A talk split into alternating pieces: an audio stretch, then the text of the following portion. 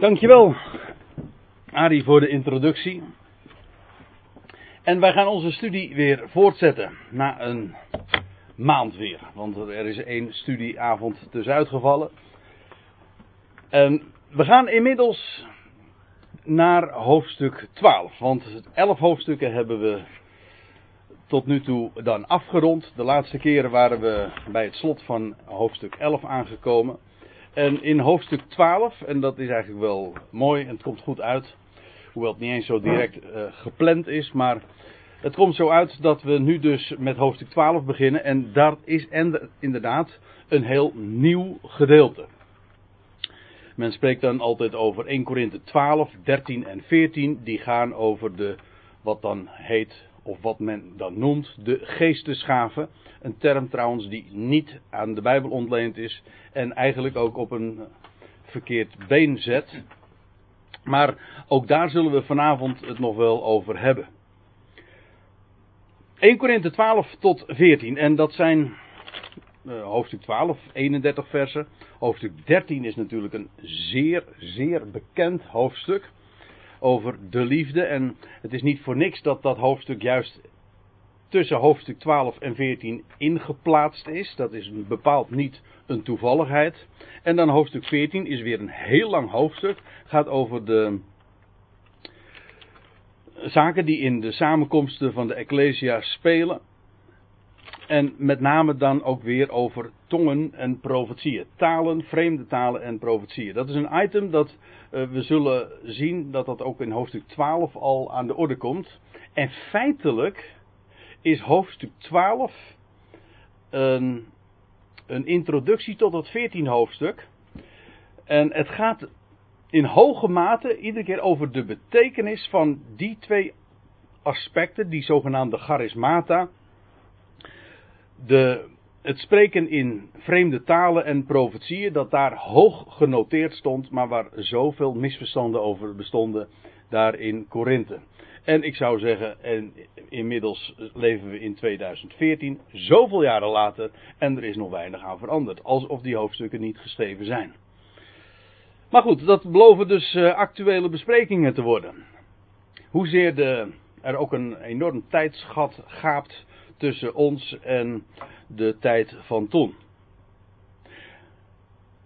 De 21ste studie en we beginnen dus bij vers 1 en we zetten het voort zoals we het uh, tot dusver gewend zijn. Namelijk gewoon zinsdeel voor zinsdeel te bespreken. En dan zien we vanzelf wel wat we allemaal weer tegenkomen.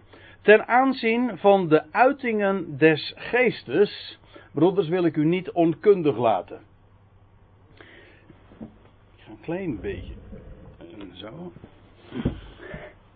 Anders zie ik niet goed wat er op het scherm staat. Uh, ten aanzien van de uitingen des geestes, broeders, wil ik u niet onkundig laten. Die uitingen des geestes, dat is een nogal vrije weergave, want u ziet, hier staat in het Grieks maar één woord. dat dan vertaald wordt met uitingen des geestes, en dat is pneumatikon. En pneumatikon betekent eigenlijk gewoon geestelijken. De geestelijke dingen. En ah, geestelijke zaken.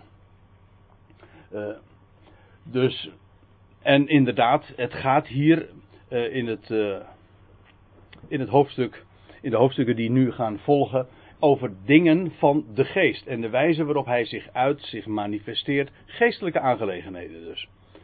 Ten aanzien van die uitingen van de geest, die geestelijke dingen, broeders, wil ik u niet onkundig laten. Als we even terugbladeren naar hoofdstuk 10. U hoeft niet terug te bladeren, want ik projecteer het ook op het scherm. In hoofdstuk 10, vers 1, daar lees je dat Paulus iets soortgelijks zegt. En ik wil niet, broeders, dat gij onwetende zijt. Ik citeer hier uit de Statenvertaling trouwens. En ik wil niet, broeders, dat gij onwetende zijt dat onze vaderen alles, uh, allen onder de wolk waren enzovoort. Ook hier begint hij dan zo'n pericoop met: Ik wil niet dat jullie onwetende zijn. En hier zegt hij het uh, op een soortgelijke manier. Dat jullie niet onkundig zouden zijn. En daarmee geeft hij dus aan dat hij hen iets bekend wil maken. En in zekere zin, dat blijkt ook uit het vervolg, wil hij hen nieuwe dingen vertellen, maar hij wil hen ook herinneren aan. Want een mens kan iets horen en bekendgemaakt zijn met, maar als hij het vervolgens weer vergeet, dan moet hij opnieuw dus weer bekendgemaakt worden met. En eh, in die sfeer moeten we dat ook eh, de misverstanden van, eh, van deze hoofdstukken wel trekken. Dus daarover gaat hij spreken. Over dingen, over geestelijke zaken waar zij kennelijk dus onbekend of onkundig over waren. Gij weet, zegt hij dan, of jullie, letterlijk staat er, jullie hebben waargenomen.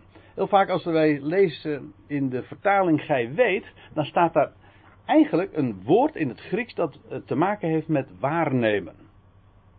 Dus weten is prima, maar dan wel op basis van dat wat je waarneemt. En dat blijkt ook inderdaad wel, want hij spreekt over dingen die zij zelf in hun verleden hebben meegemaakt. Gij weet, of jullie hebben waargenomen, dat jullie, toen jullie nog heidenen waren, en dat is wel interessant, heidenen, u weet, dat woordje heidenen, dat is in het Grieks etnos, betekent, uh, dat betekent uh, natie, of nation in dit geval, meervoud. Dat toen jullie nog natieën waren. Dat, dat, daar kun je twee dingen uit afleiden. Uit de formulering hier, daar kun je aan de ene kant uit opmaken dat deze Ecclesia dus, zoals ik hier ook opmerk, uh, nog een grotendeels heidense, dat wil zeggen een niet-Joodse achtergrond heeft. Want in de praktijk betekent een heiden gewoon een niet-Jood. Iemand uit de natieën. Natie, niet-Joods betekent het in de praktijk vaak, maar het betekent, let op, dat woordje natieën betekent gewoon wat het is. De natieën. Soms zijn namelijk de Joden, of de Israëlieten, daar gewoon bij inbegrepen die een deel zijn van de natie. Soms worden ze ervan onderscheiden, maar het woord wat hier gebruikt wordt is dus gewoon natieën. U ziet dat hier ook in de concordant version. Nations. Dat is één ding. Dus die, die Corinthiërs waren, die hadden een deels Joodse achtergrond, dat weten we. Slotverrekening, die Ecclesia was ooit ontstaan naast, letterlijk naast, het waren de buren van de synagoge. Ze kwamen samen, dat lees je in Handelingen 18, we hebben dat ooit in een grijs verleden nog eens besproken. Maar ze kwamen toen samen in het huis van de overste van de, van de ex-overste van de synagoge. Uh, later, uh, hm, ja, bij Gaius natuurlijk. En uh, dat is al een beetje een, echt zo'n heidense naam ook, hè. Maar in elk geval, ze hadden inderdaad een. ze kwamen uit de natie. Toen jullie, en dat blijkt ook in dit geval joods te zijn, dat wil zeggen uh, afgodisch. Zoals de Joden, die dienden de ene ware God, die aan hen bekendgemaakt waar, was. Maar de natieën die waren, stonden ver, die kenden God niet. En zij dienden toen de stomme afgoden. Maar ik wilde eigenlijk er nog één ding over zeggen. En dat is dat toen jullie nog natieën waren. Daaruit volgt dus dat dat in het verleden ligt. Kijk, je kunt natuurlijk zeggen dat wij gelovigen uit de natieën zijn, van de natieën, maar eigenlijk is dat niet helemaal het geval. We zijn een ecclesia. Ecclesia betekent eigenlijk ook, als je het heel letterlijk neemt, in zijn elementen opsplitst, dan betekent dat uh, uitgeroepen uit de natie. En dus waren we, of behoorden we tot de natie. Inmiddels niet meer, we zijn er uitgeroepen, we zijn een, een geselecteerd, we zijn er, ja, met wat het woord uh, zegt, eruit geroepen en dus was, eh, behoort dat tot het verleden. We hebben een nieuwe identiteit. We, terwijl ik het nu over spreek, realiseer ik me dat we nog niet zo heel lang geleden, dat was toen in. Uh, we waren bij de bespreking van hoofdstuk 10, vers 32. Dan lees je dat Paulus dit zegt. Uh, geeft nog aan Joden, nog aan Grieken, nog aan de gemeente Gods, de Ecclesia Gods, aanstoot. Of wees geen struikelblok voor hen. Dan zie je ook die onderscheiding. Dus Joden, Grieken, de natie, en de Ecclesia van God. Die Ecclesia van God wordt dus eigenlijk als afzonderlijk gerekend.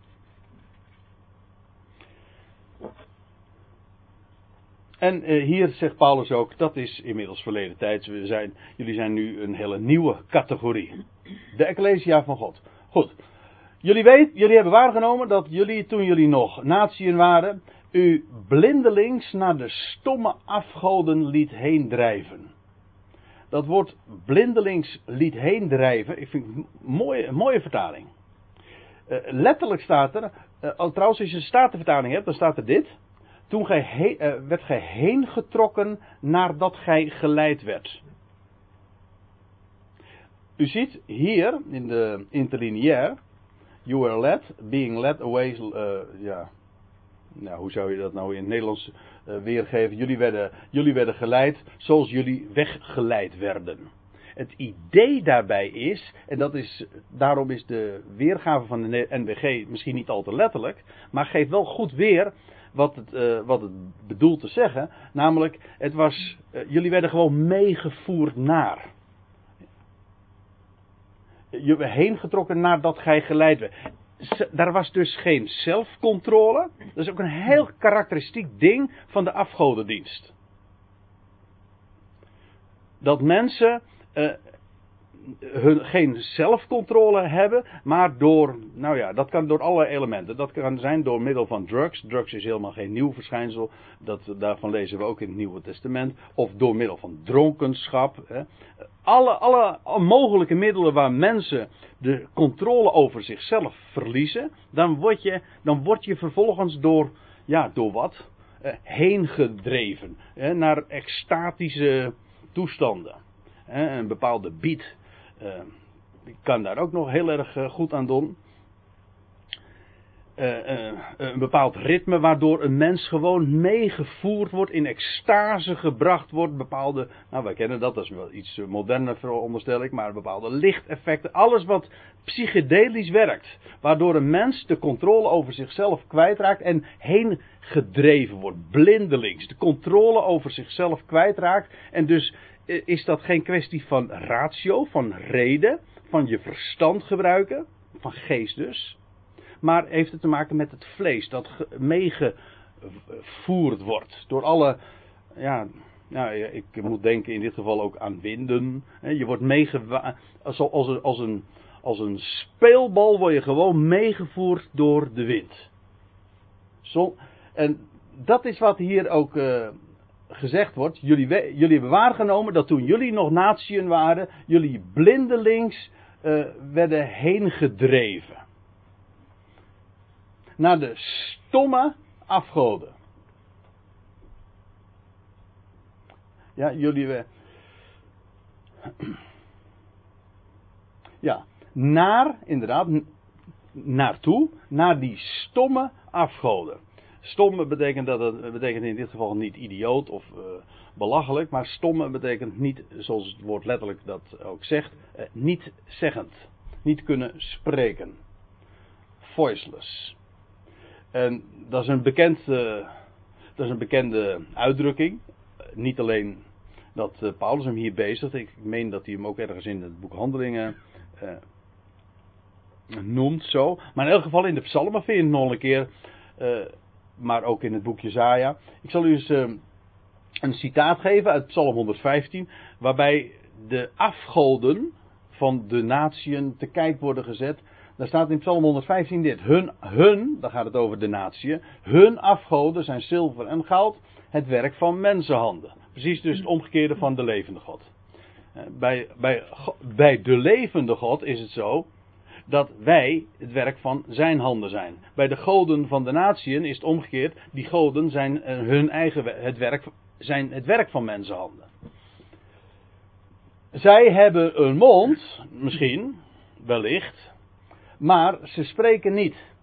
Ze hebben ogen, nou dat is precies wat uh, Paulus ook in 1 Corinthië 12 dus zegt. Het zijn stomme afgoden.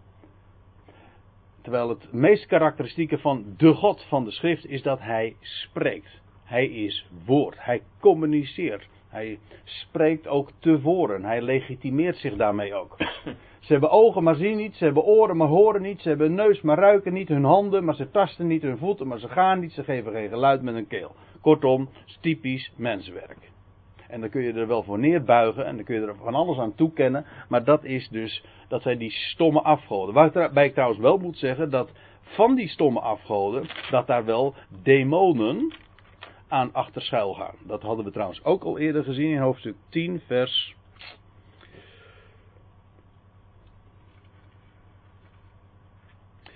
vers 20, waar Paulus zegt. Wat wil, in nou, vers 19, daar zegt hij, van 1 Corinthië 10 dus, 1 Corinthië 10, vers 19 zegt hij, wat wil ik hiermee zeggen? Dat een afgodenoffer iets is, of dat een afgod iets is? Integendeel. Maar dat hun offeren een offeren aan demonen is en niet aan God. Dus eh, daar komen wel degelijk ook geestelijke machten gaan daar uh, achter schuil. Maar neem niet weg dat die goden zelf door. Uh, het is het werk van mensenhanden en ze zijn stom. Dat, is een, dat geeft dus perfect weer hoe dat in hun dagen. Zij kenden dat allemaal uit eigen herinnering nog. Hoe dat toen zo ging in die hele afgodische dienst. En en denk nou niet dat dat allemaal iets van toen was, want dat is vandaag nog steeds zo. Ik denk dat uh, op het moment dat de mensen het woord loslaten, en we leven nu ook echt in zo'n tijdvak waarbij we, men noemt dat postchristelijk, hè, waarbij de, de schriften al helemaal verlaten zijn, ook officieel.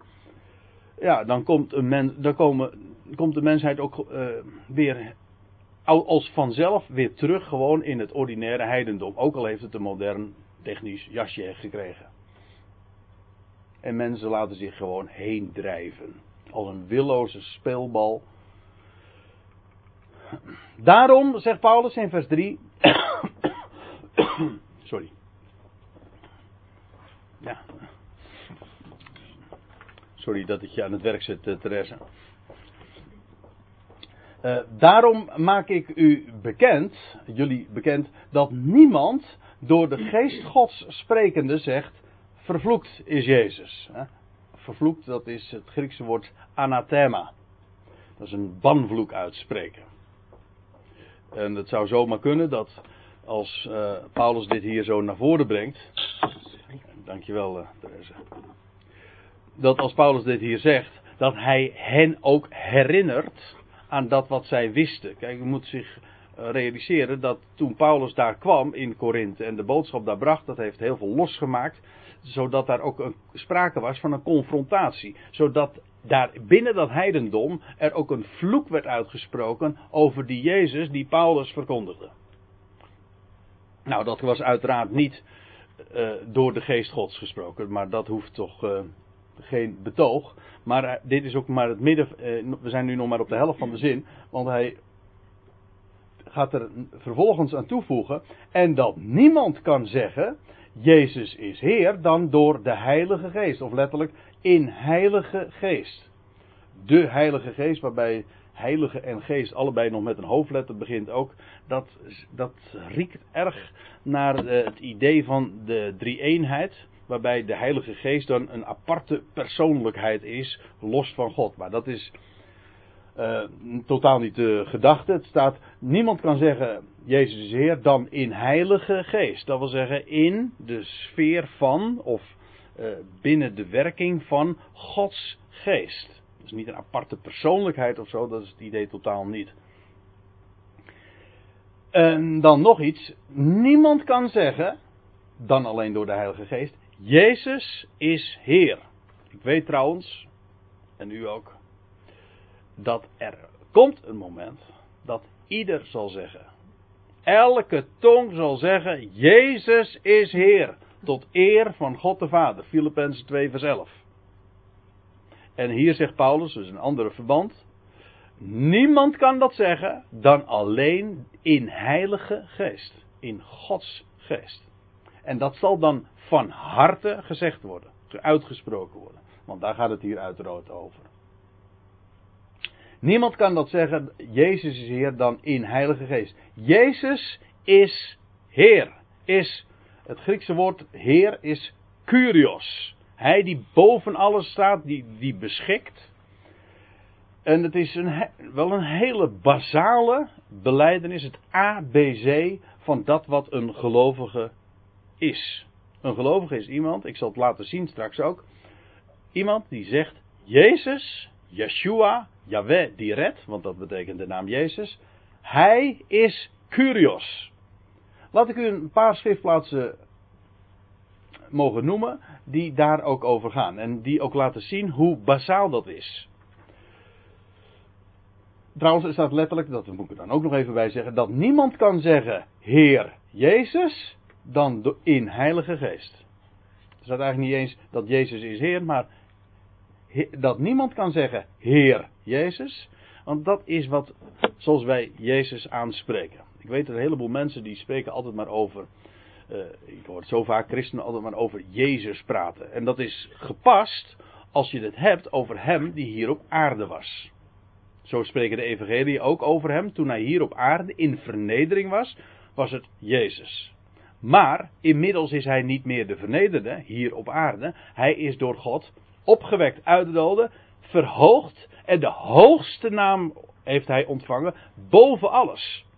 Zodat hij een, aan hem, de vernederde, een titel is gegeven. De hoogste titel. En het kenmerk van een gelovige is juist het feit dat je erkent dat hij die titel heeft. Dus over hem in zijn huidige positie spreken als Jezus, vind ik oneerbiedig. Dat vind ik niet alleen maar oneerbiedig, maar het is juist, het, het miskent de titel, de waardigheid die hem door God de Vader is toegekend. Kijk, als je spreekt over Jezus, dan doe je net alsof hij nog steeds hier op aarde de vernederde was. Maar dat is hij niet. Ik zal u een paar schriftplaatsen in dat verband ook laten noemen. Petrus, op de Pinksterdag. Die zijn toespraak, want het is inmiddels aan het einde van het hoofdstuk ongeveer, een lange toespraak houdt hij daar. En dan lees je dat hij tenslotte een conclusie trekt. Dat blijkt dus uit het eerste woord. Dus, dus samenvattend, concluderend, moet ook het ganse huis Israëls, want daartoe sprak hij, hij sprak op het tempelplein, hij sprak het huis van Israël aan. Dus moet ook het ganse huis van Israël zeker weten dat God hem, God heeft hem, en tot Heer, Curios, hetzelfde woord, Heren, maar goed, dat is een beetje oud-Nederlands. Als je het correct Nederlands nu zegt, dan zeg je niet Heren, maar Heer, Curios. En dat God hem tot Heer, tot Curios en tot Christus, Mashiach, de gezalfde. Christus is Grieks, Mashiach is, of is, is Hebreeuws, Messias is dan weer uh, Hebreeuws, uh, Nederlands-Hebreeuws, zeg maar. Maar het betekent gewoon de gezalfde, de beloofde gezalfde. Dat God hem en tot Curios en tot Christus gemaakt heeft. Deze Jezus die jullie gekruisigd hebben. En hier zie je perfect ook weergegeven wat ik zojuist al beoogde te vertellen. Namelijk, Jezus is de mens die hier op aarde wandelde. Je leest in Matthäus 1 dat toen hij geboren werd en men gaf hem de naam Jezus. Die Jezus, die heeft het volk gekruisigd in vernedering, maar inmiddels heeft God hem sindsdien uit hoofde van zijn opstanding en dat wat volgde, zijn verhoging, tot Curios en tot Christus gemaakt. Zodat beide titels, zowel Heer als Christus, zijn geen namen, het zijn titels. Jezus is zijn naam, Christus, Heer en, of Curios, dat zijn titels. Die zijn hem toegekend door God sinds en op grond van zijn kruisiging. En zijn, nou eigenlijk moet ik zeggen, zijn opstanding uit de doden. Lijkt me duidelijk taal. En het ganse huis Israëls moet dat zeker weten. Dat dat het geval is. En ze zullen ook tot die erkenning komen. Nog iets over die titel uh, Heer. Want het is ook in hoge mate ook gestempeld door een profetie uit het boek De Psalmen. En die in het Jodendom buitengewoon bekend is. En het is, Psalm 110 is een psalm van David. En deze psalm wordt ook in het Nieuwe Testament vele keren aangehaald. Het is een psalm van David, zoals u ziet uit de aanhef. Het is een psalm. En dan staat er, al dus luidt het woord des Heren. Nou, nou, wordt het een beetje verwarrend, want ik heb, het staat hier in met hoofdletters, maar het is gewoon, heeft hier niks met dit Heer te maken. Ja, ik weet het, het, het, klinkt hetzelfde, maar het staat hier in, in het Hebreeuws totaal verschillende woorden. Hier staat namelijk de naam van God. Al dus luidt het woord van Yahweh. Als u heren met allemaal hoofdletters ziet, dan staat daar in het Hebreeuws gewoon de naam van God. Yahweh. Al dus luidt het woord van Yahweh tot mijn, wie, wie mijn? Wel, van David, mijn Heer. David spreekt hier dus over iemand die hij noemt mijn Heer. Mijn, in het, het Hebreeuws staat hier Adonai, Ad, Adoni, mijn Heer. En in het Grieks staat hier dus Kurios. Dus God, Yahweh, spreekt tot mijn, tot Davids Heer. Dat blijkt zijn zoon te zijn. Dus het gaat over de zoon van David. Die David hier al noemt. Hij die, hij die uit mijn lendenen zal voortkomen. Dat is mijn Heer. De Curios. Wel, al dus luidt het woord van Jaweh tot mijn Curios. Zet u aan mijn rechterhand totdat ik uw vijanden gelegd heb als een voetbank voor uw voeten. een een, een, een voorzegging van David is duidelijk profetie. Hij spreekt hier over de Messias, die hij noemt mijn, mijn Heer. En van Gods wegen is die Heer, de Messias, verheven, gezet aan Gods rechterhand. En daar moet hij, zou hij wachten totdat, hij, totdat God de, alle vijanden gelegd heeft als een voetbank voor zijn voet. En dan zal hij gaan heersen. En daar gaat het vervolg trouwens van deze psalm ook over. Maar het idee daarbij is dat God de Messias aanspreekt. En die Messias krijgt een, de hoogste plaats, namelijk aan Gods rechterhand. En dat is zijn huidige positie vandaag ontrokken aan het oog in het hemelsheiligdom. Nou ja, eh, er zijn vele plaatsen die, waarin dat naar voren gebracht wordt. Waarom ik het nu even noem, is om deze reden dat hier gesproken wordt over de Curios die de hoogste plaats heeft, namelijk aan Gods rechterhand. De hoogste plaats van voorrang, want u weet, rechterhand heeft daar altijd mee te maken. Rechts met, heeft altijd te maken met voorrang, de, een positie van eer. Dan heb ik er nog één. Nee, dan heb ik er nog twee. Romeinen 14. Daar schrijft Paulus dit. Want hiertoe is Christus gestorven en levend geworden, opdat hij en over doden en over levenden, ja, en dan staat er in de vertaling, heerschappij zou voeren, maar er staat gewoon heer zou zijn. Hoe heeft de Statenvertaling dit trouwens? Heersen zou. Ja, maar... Over doden en levenden heersen zou. Ja, nou, dat, ook dat staat er dus niet helemaal. Het staat gewoon heer zou zijn je kunt er wel uit afleiden dat hij heerschappij zou voeren, et cetera, of zou heersen. Maar staat gewoon het woordje curios. Heer, opdat hij curios zou zijn, heer, beschikker, bezitter. Want een, een heer, dat is iemand die. Een heer, als, als jij een heer hebt, uh, ja, een slaaf heeft een heer, die is eigendom van. Dus een, een, een, een heer is een eigenaar, een bezitter. Een heerlijkheid is trouwens van origine ook het gebied van een heer. Zoals een adel, dat had je ook met een eh, adellijkheid. Dat was het gebied van de adel. En dan had je nog een woord. Een, ja, een hertogdom. Een graafschap. Nou ja. Uh, in elk geval dat hij heer zou zijn. Hij, Christus is gestorven en levend geworden en sindsdien is hij Heer. Dat is het. Heer van wat? Wel, ongeacht wie, iedereen namelijk, of zij nou doden zijn. En, dat, en als hij Heer van doden is, dan betekent dat dat hij bij, bij machten is om hen levend te maken. En Heer over levenden. Kortom, over alle mensen. Hij is Heer van allen. Dat is trouwens Romeinen 10, vers. Nou, uh, laat ik eerst even naar Romeinen 10, vers 9 gaan. Dat is een hele bekende. Daar staat uh, dit, daar schrijft Paulus. Want indien gij met uw mond beleidt dat Jezus Heer is. Jezus Curios is. En met uw ganse hart gelooft dat God hem uit de doden heeft opgewekt. Zult gij behouden of gered worden. Even twee dingen over, over dit vers. Uh, in verband met deze uitstap. Want uh, dit zijn geen twee dingen. Dit, in, ja, er wordt hier gesproken over met je mond beleiden en met je hart geloven. Maar dat Jezus Heer is, is exact hetzelfde als dat God hem uit de doden heeft opgewekt.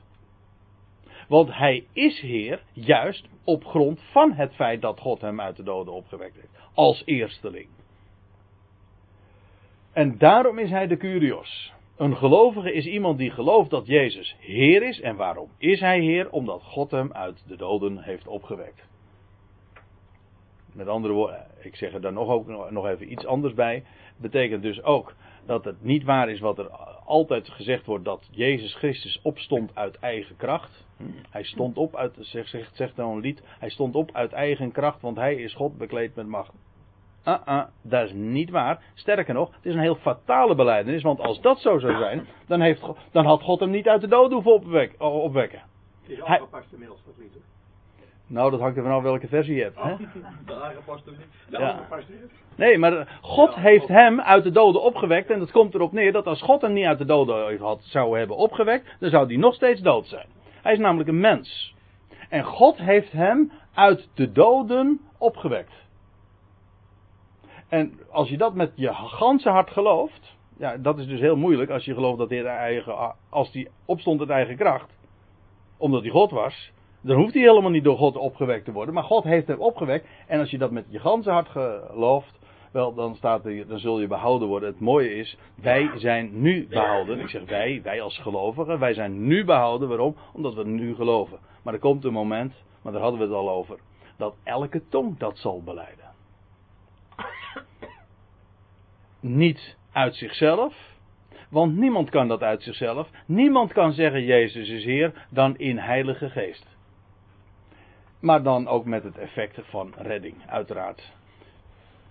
En dat betekent dus dat dan allen ook gered worden. Als allen dit zullen beleiden en geloven. Maar dat is een hoofdstuk apart, daar heb ik het nu verder niet over. Het gaat me nu even puur om het feit dat Jezus is Heer. Zo kennen wij Hem als gelovigen. God heeft Hem tot Heer gemaakt. God heeft Hem uit de doden opgewekt. Daarom is Hij Heer. Curios. En hij is, maar dat zei, wilde ik net nog even laten zien in Romeinen 10 vers. Ik heb het niet op de beamer staan, maar daar staat in vers 12 van Romeinen 10, dus in ditzelfde hoofdstuk als wat u hier nu voor, u ziet.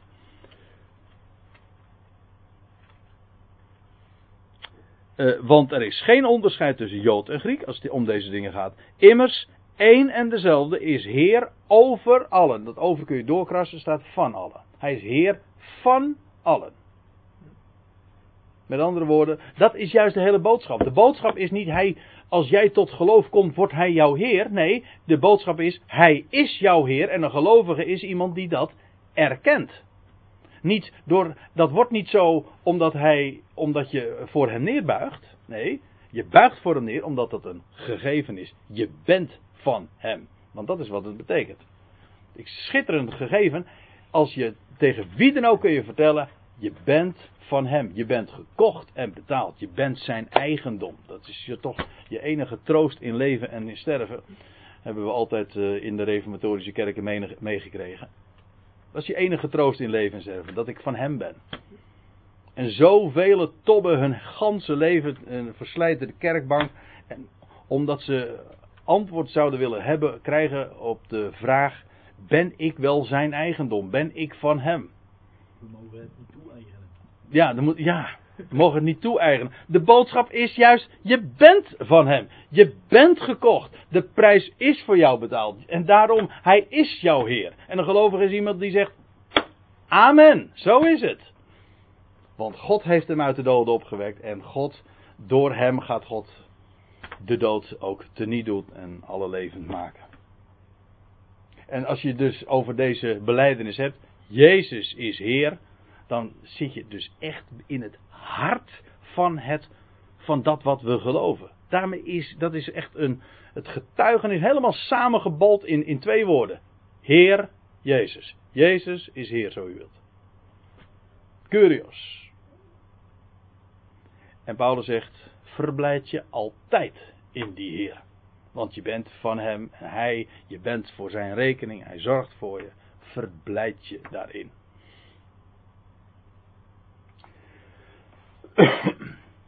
We gaan verder, vers 4. Er is verscheidenheid, er zijn eh, diverse toedelingen, zegt een andere vertaling. Er is verscheidenheid, variatie, diversiteit in genadegaven. Ah, nou moeten we even eventjes uh, wederom stilstaan, dat doen we iedere keer natuurlijk. Maar ja, daar doen we bijbelstudie voor. Uh, wat is dat woord? Dat, hier staat in het Grieks het woordje charis, pardon, charismata. En charismata, dat is onder, dat, je ziet dat, dat is, daar zit het woordje charisma in. En charisma, dat is het Griekse woord. Uh, nee, ja, charismata, ik moet even anders uh, zeggen. Eventjes terugspoelen. charismata is een meervoud van charisma. Dat kennen we allemaal, charisma. En charisma is weer afgeleid van het woordje charis. En charis kennen we ook wel, want dat charis betekent genade. Of beter nog, gunst. En het woordje charis wordt gedefinieerd als het is vreugde om niet. Het, het woord, het, dat is mooi, het woord voor vreugde in het Grieks, dat is charis. En het betekent, eh, de Grieken gebruikten dat in de schrift, zie je dat alom bevestigd. Het betekent vreugde om niet. Dingen die jou blij maken terwijl je er niks voor betaalt. Dat kan van alles zijn. Je, je geniet van de zon die opgaat, dat is charis. Je, voor niks gaat de zon op, eh, nietwaar. En daar geniet je van. Dat is wat je blij maakt. Er zijn zoveel dingen in het leven die, die je uh, blij kunnen maken. En dat is allemaal, dat is niet genade. Genade heeft weer een beetje, uh, vaak een beetje de klank ook van, uh, van, van gratie. In de zin van je bent schuldig en dat wordt kwijtgescholden. Dat is ook charis hoor, daar niet van.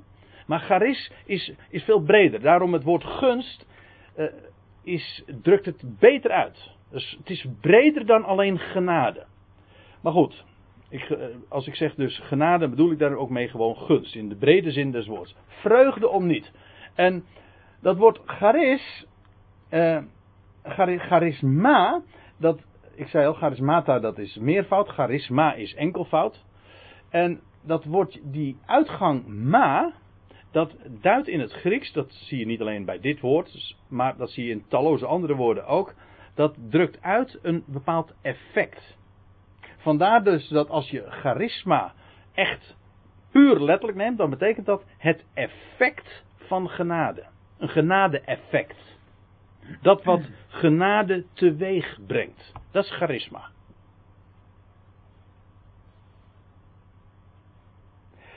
Genadegave, dat uh, zet een beetje op het verkeerde been. Geestesgaven al helemaal. Ik weet dat charismata, uh, er is een hele beweging natuurlijk daar omheen. En dat is een, een beweging die, die als een olievlek, zeg maar, ook binnen de christenheid de laatste eeuw ook zijn, eh, zijn, zijn invloed heeft uitgebreid. De charismatische beweging. Die trouwens ook heel erg zich laat leiden door ziel en doorheen gedreven worden, door extase en oh, door uh, al die invloeden waar ik het net over had, maar dan toen had ik het over een heidense setting. Het kan ook in een christelijke setting. En dat mensen zeg maar, en die, die beschouwen dat als, als het ultieme van Gods geest. Dat je helemaal meegevoerd wordt als een speelbal. En ook daar waarbij de, het gevoel wordt beïnvloed. Waarbij muziek en van al, en al dat soort ziels, ik bedoel het helemaal niet negatief op zich, maar het is ziel. Het zijn zielse elementen. Het zijn niet het is niet een boodschap, een logische boodschap die je blij maakt. Nee, het, is dan, zijn echt van die zielse effecten. Die in wezen, die je in allerlei contexten net zo goed zou kunnen opwekken. Alleen eh, als je in de christelijke wereld dan komt, dan plakt men er een sticker op van dit is evangelisch of dit is charismatisch. Nou ja, eh, zo, eh, dat is even, even een zijopmerking. Maar het gaat even om dit woord. Dus het is niet een, een, een het is ook niet een, uh, een, gena een genadegave. Het gaat er niet zozeer om dat het een speciaal, uh, uh, een apart geschenk is. Het gaat erom, het is een effect van genade. En daar is verscheidenheid van genade-effect. Dat is heel logisch. Ik vergelijk het zo. Eh, ik vond dat voor mezelf heel erg verhelderend. Kijk, je hebt eh, een paar instrumenten naast elkaar, een paar blaasinstrumenten. Je hebt hier een saxofoon, een trompet, een blokfluit en een trombone, ik noem maar wat. Nou, eh, ik pak het, nou, eh, ik, laat, ik het, laat een ander het maar doen, want ik ben daar niet zo goed in. Ik ben niet zo uitgeblazen, zeg maar. Maar je pakt bijvoorbeeld Tineke, die kent dat, jij, jij kent dat toch goed, hè? Hè? Nou ja, jij speelde toch saxofoon niet maar? Ooit, ja, dat weet ik. Maar in ieder geval, ehm, je blaast op zo'n saxofoon. Dezelfde blazer, dezelfde lucht. eh, blaas je in zo'n saxofoon. En dan vervolgens in een trompet. Maar, en dan vervolgens doe je het op een blokfluit en dan in een trombone. Iedere keer blaas je dezelfde lucht, dezelfde blazer is het. Maar iedere keer komt er verschillend geluid uit. Waarom? Omdat de instrumenten nu eenmaal verschillend zijn. Zo is het met Gods genade ook Gods gunst. De charis, ja, je bent een gelovige en dat betekent dat je verblijd bent door zijn vreugde die hij in zijn, door zijn woord aan jou bekendgemaakt. Dat maakt blij. Ja, dat is waar, dat is genade. We krijgen allemaal diezelfde genade. En dat verblijdt ons. Maar het effect in u of het effect in jou is weer anders dan het effect in mij. Waarom? Ja, we zijn verschillend. We zijn verschillende instrumenten. Het effect in de diverse mensen is gewoon een heel divers. We hebben verschillende achtergronden, verschillende eh, beperkingen. We hebben ook allemaal weer verschillende eh, capaciteiten. Dat is allemaal verschillend. Die diversiteit is enorm.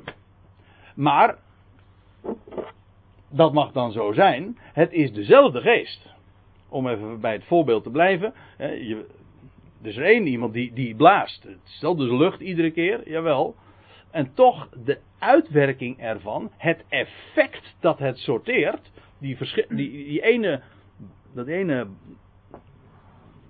ene ding van blazen, heeft iedere keer een verschillend resultaat. Het is dezelfde geest. Er is, zegt Paulus dan in vers 5, er is verscheidenheid, weer hetzelfde woord, eerst verscheidenheid in, in charismata, hier er is verscheidenheid in bedieningen. Bedieningen, hier staat. Kijk, we kennen, we kennen zoveel meer Grieks dan je, eh, je zou denken. Want hier worden allemaal woorden gebruikt die we allemaal wel kennen. Genadegave, charismata. Hier staat bedieningen en dan staat het woordje diaconia. Wat, waar, waar wij het woordje diaken nog kennen, of diacones. Maar dat betekent eh, dienen, eh, of een dienaar of een bediening.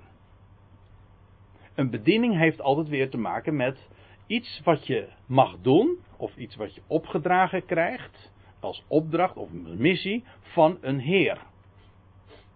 Dat zie je dan ook. Er is verscheidenheid in bedieningen, maar het is dezelfde Heer. De Heer zei bijvoorbeeld tegen Paulus of tegen Petrus, eh, hij vaardigde hen af. En dat, dat is wat het woordje apostel betekent. Een apostel betekent gewoon een afvaardiging dat is, niet, dat is geen genade-effect. Dat kun je niet zo noemen. Maar het is wel een verschillende. Het is een bediening. Iets wat je mag doen, een bepaalde dienst, die ze opgedragen kregen. En, nou ja, het was dezelfde maar een ander kreeg een andere bediening toegekend of toegewezen. Er mag dan variatie zijn en we zullen eh, ze vanzelf straks ook eh, nog gaan bezien. Niet alleen straks, maar ook de volgende keer.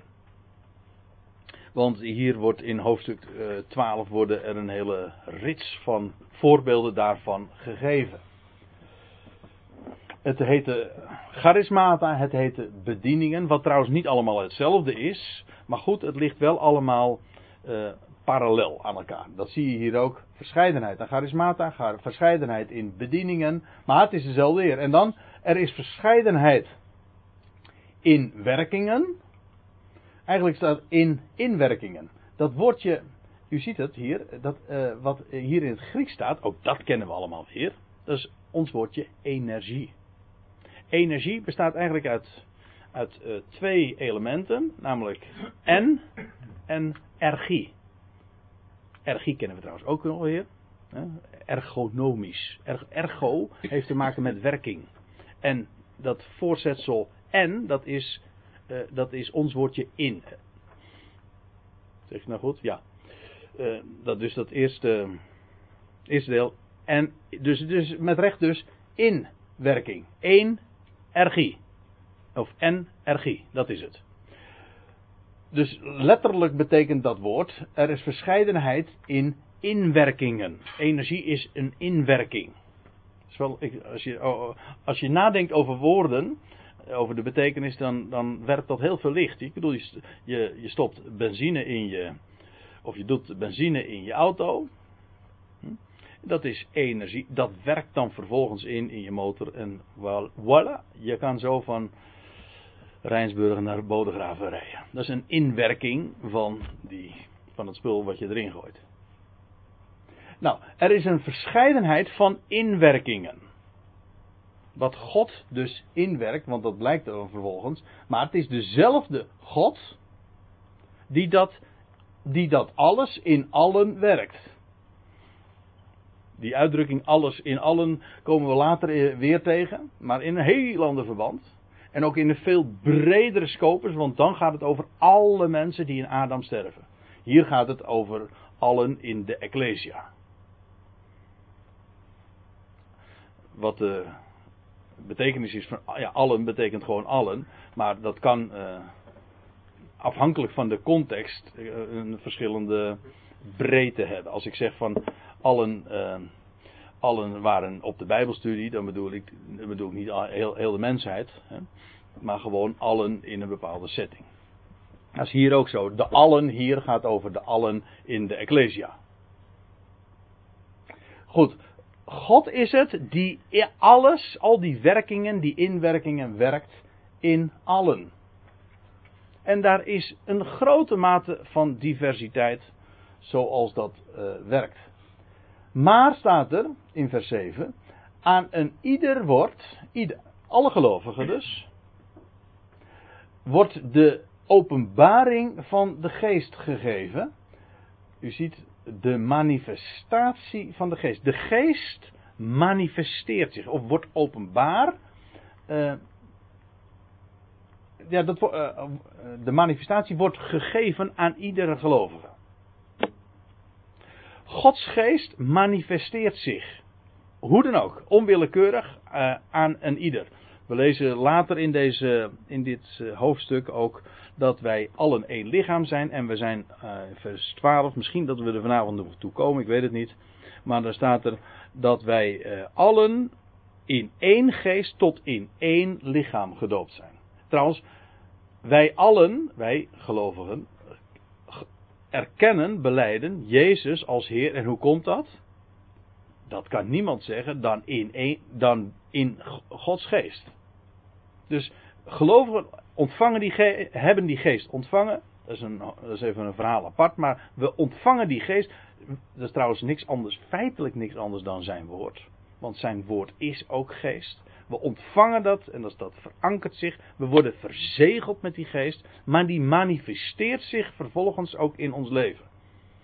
Dat kan op allerlei levels uh, het geval zijn. In bepaalde, ook in verschillende kracht. Want er kunnen allerlei om eventjes bij het voorbeeld van de energie te, te blijven, uh, daar kunnen allerlei weerstanden zijn.